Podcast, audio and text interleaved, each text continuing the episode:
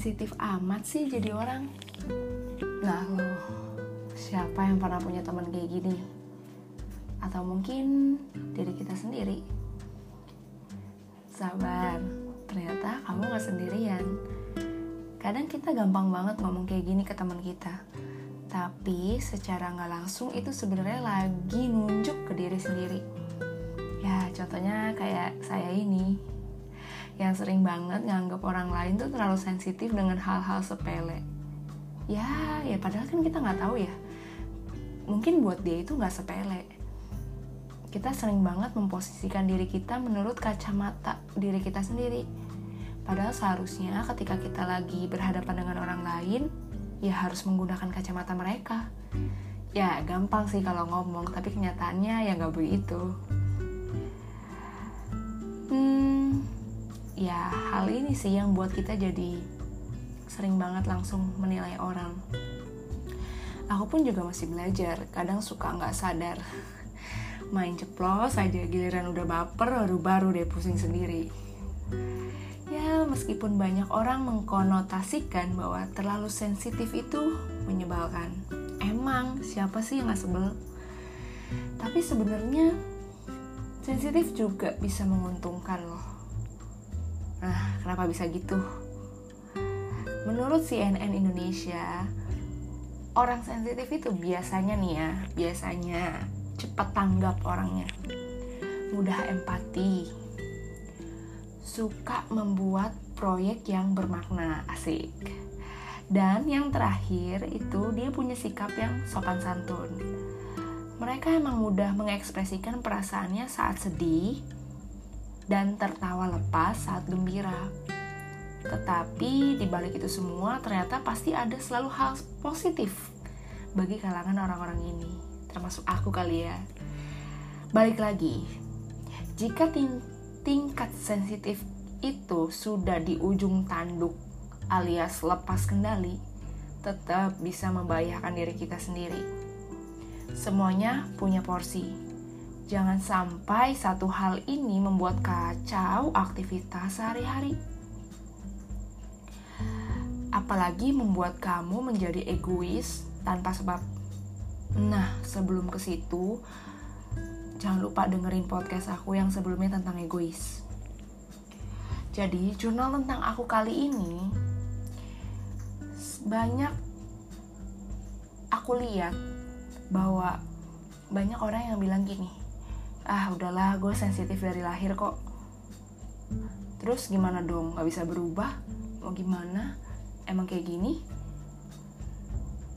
Dan aku pun juga jadi mikir gitu terus kalau itu jadi alasannya apa kita mau stop untuk berusaha belajar untuk kendaliinnya apa ya udah nerima aja deh sebagai bentuk mengasihani diri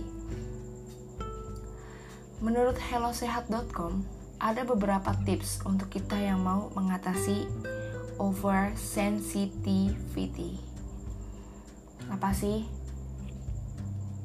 belajar memahami dulu apa yang sedang kita rasakan. Jadi jangan langsung lepas kendali gitu loh. Coba tilik lagi, berpikir sejenak.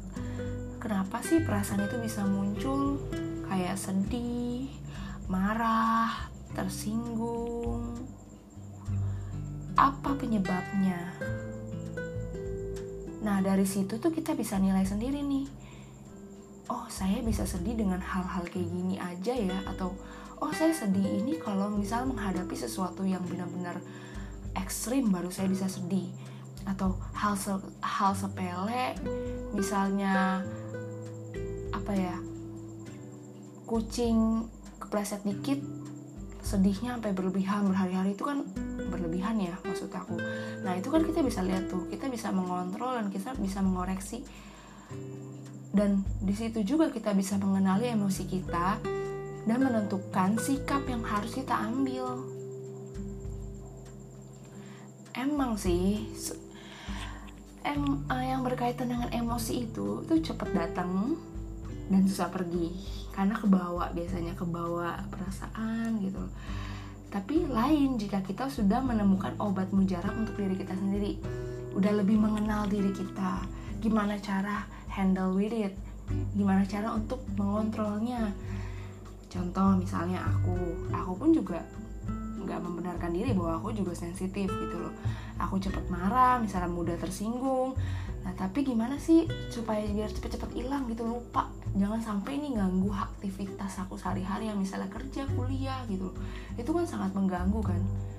Nah apa? Kalau aku sih kalau aku itu biasanya aku melampiasinya dengan dengerin musik. Atau jalan-jalan ya hidup apa hidup udara segar aja. Nah itu buat aku tuh sangat mengobati banget. Nah gimana kalau kalian intinya jangan berlarut-larut ya oke buat teman-teman yang mau sharing secara pribadi atau ada masukan boleh banget kontak aku di Instagram atau Twitter jurnal tentang aku. Jangan lupa di follow podcast Spotify-nya karena setiap Selasa aku bakal kasih topik-topik menarik yang semoga bermanfaat dan kita bisa sama-sama sharing bareng. Itu aja, thank you, bye.